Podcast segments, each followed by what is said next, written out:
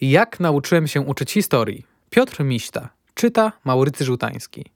Pamiętacie film Podaj dalej? W tej historii amerykański dwunastolatek z ubogiej dzielnicy postanawia realnie pomóc trzem znajomym osobom, aby później te osoby pomogły kolejnym, te zaś następnym i tak dalej, zgodnie ze wzrostem wykładniczym. W efekcie zapoczątkowany przez żyjącego w poczuciu bezradności chłopca łańcuch dobrych uczynków obejmuje cały kraj. Choć to opowieść nieco naiwna, moim zdaniem dobrze oddaje to, co zaczyna się dziać w polskiej szkole. Nauczycielem historii i wiedzy o społeczeństwie jestem zaledwie od roku. Do tego zawodu jednak przygotowywałem się przez cały okres studiów. Od początku swoją przyszłą profesję traktowałem serio, jako zajęcie pasjonujące, a zarazem społecznie ważne. Dlatego tak frustrujące było przedzieranie się przez kolejne szczeble edukacji w ramach bloku pedagogicznego na jednej z uczelni publicznych.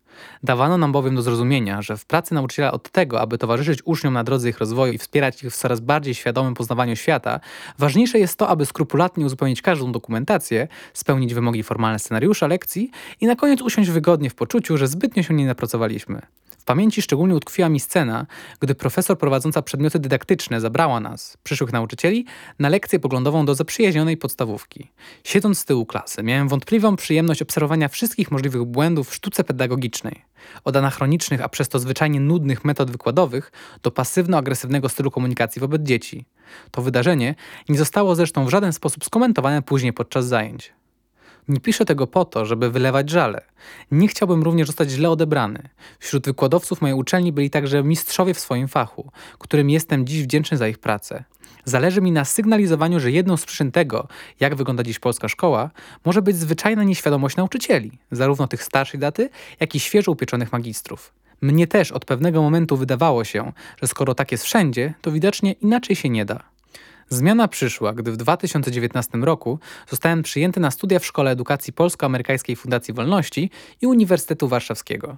Podczas rocznych, podyplomowych studiów dokształcających nauczyłem się więcej na temat uczenia niż w ciągu poprzednich pięciu lat. Wiedzę i umiejętności, które wówczas nabyłem, mógłbym podzielić na trzy kategorie. Pierwsza z nich, fundamentalna, składa się z bloku zajęć psychologiczno-pedagogicznych. Ważnym odkryciem w porównaniu z wcześniejszymi doświadczeniami było dla mnie to, że praca nauczyciela ma solidne podstawy naukowe, nie tylko w obszarze badań społecznych czy humanistycznych, ale także, a może przede wszystkim, w uwarunkowaniach biologicznych, szczególnie zaś tak zwanych neuronaukach. Bez podstawowej wiedzy w tych dziedzinach planowanie procesu dydaktycznego uczniów czy dobór metod pracy na lekcji przypomina bardziej grę w totolotka na chybił trafił. Albo metoda zadziała, albo nie. Coraz częściej uświadamianym wyzwaniem stojącym przed nauczycielami jest też kwestia, jak się uczyć. Okazuje się, że najczęściej stosowane przez uczniów techniki zapamiętywania, takie jak przepisywanie i powtarzanie, są jednymi z najmniej efektywnych. Poza nimi zaś istnieje cała gama dużo skuteczniejszych strategii. Także to zostało wykazane w wynikach badań. W dobie powszechnego dostępu do informacji, rolą nauczyciela nie może być już tylko dzielenie się wiadomościami ze swojego przedmiotu. Nowoczesny nauczyciel musi być ekspertem w zakresie tego, jak się skutecznie uczyć. Drugą kategorią zajęć były te przedmiotowe, w moim przypadku z historii i wiedzy o społeczeństwie. Wydaje się to oczywistością, ale dla pewności przypomnę. Nauka historii nie polega i nie powinna polegać na zapamiętywaniu dat. Nie tylko dlatego, że w każdej chwili można je sprawdzić w internecie. Przede wszystkim dlatego, że dzieje ludzkości wcale nie przypominają osi czasu z zaznaczonymi na niej punktami, ale raczej plątanienie najróżniejszych zjawisk, które wiążą się ze sobą niczym zbyt długo trzymane w kieszeni kable słuchawek.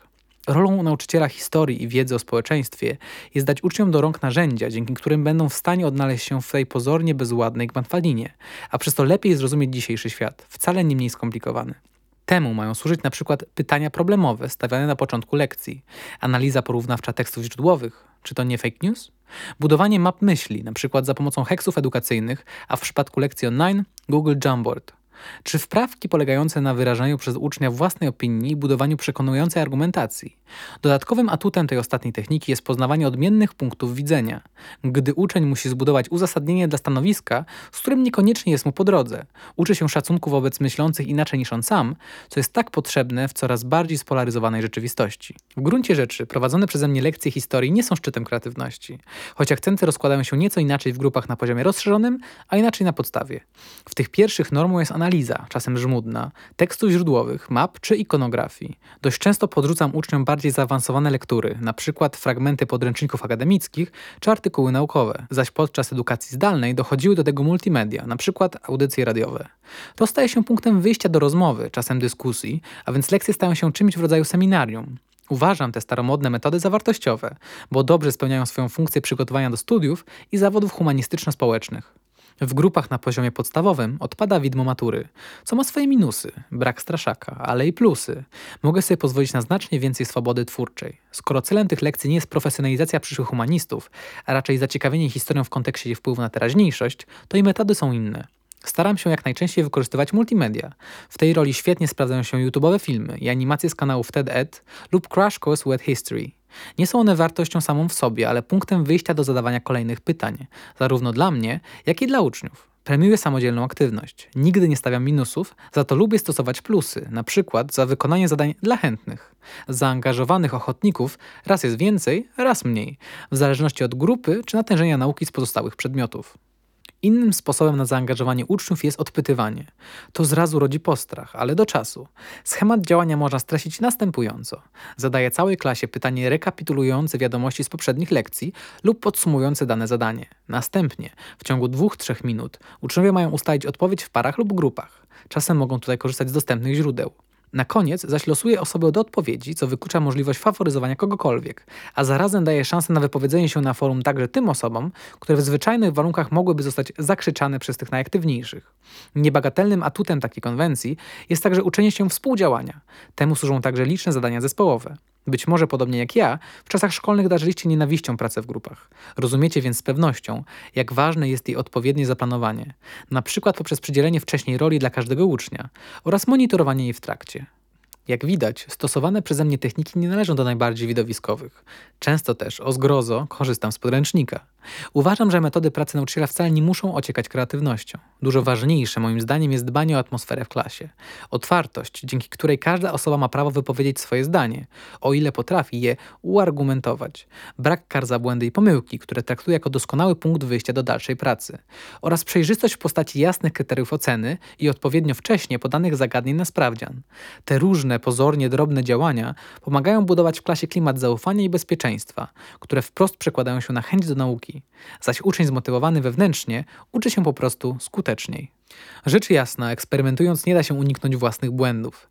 Wyzwaniem jest dla mnie w szczególności znalezienie złotego środka między elastycznością i wyrozumiałością wobec uczniów, a stawianiem wymagań i konsekwentnym ich egzekwowaniem. W ciągu ostatniego roku mojej pracy dostrzegam, że demokratyczne ideały nie zawsze sprawdzają się w szkolnej praktyce, a przynajmniej nie od razu właśnie praktyki stanowiły trzeci obszar kształcenia w szkole edukacji. Od tych, w których uczestniczyłem podczas studiów magisterskich, różniły je dwie rzeczy. Było ich dużo więcej i były sensowne. Dużo więcej, czyli 10 miesięcy po 4 dni w tygodniu, od rana do pory obiadowej, gdyż popołudniami i w piątki odbywały się zajęcia kursowe. Sensowne to znaczy najpierw zaplanowane pod czujnym okiem mentorki, następnie przeprowadzone pod tym samym okiem, wreszcie poddane ocenie i samoocenie według konkretnych kryteriów. Dzięki temu na bieżąco mogłem mieć wgląd w to, co idzie mi dobrze, a nad czym muszę jeszcze popracować. Struktura formalna studiów w szkole edukacji może przypominać tę znaną z uczelni publicznych końcu i tu i tam mamy zajęcia z pedagogiki, psychologii, dydaktyki ogólnej, dydaktyki przedmiotowej oraz serię praktyk. Podobieństwa wynikają z ogólnych ram, z jakimi mamy do czynienia w polskim prawie dotyczącym kształcenia przyszłych nauczycieli. Zasługą organizatorów szkoły edukacji jest takie zagospodarowanie tych ram, aby ich zawartość była możliwie jak najbardziej efektywna z punktu widzenia studenta. Przykład ten pokazuje, że nawet w warunkach systemu uznawanego za skostniały da się stworzyć przestrzeń kształcenia wysokiej jakości. Tak duża ilość zajęć tylko pozornie może wydawać się nie do zmieszczenia w rok. Plan zajęć w szkole edukacji jest ułożony tak, aby z 10 miesięcy nauki wycisnąć jak najwięcej, zarówno teorii, jak i praktyki. Taka intensywność pracy była rzecz jasna męcząca, zwłaszcza gdy w drugim semestrze przyszło nam odnaleźć się w zdalnym świecie pandemii. Jestem przekonany, że przetrwanie tego wymagającego czasu, a co dopiero wyniesienie z niego ogromnych ilości nowych, bezcennych umiejętności, nie byłoby możliwe, gdyby nie empatia. Za podstawowe ogniwo tej empatii uważam system indywidualnego wsparcia.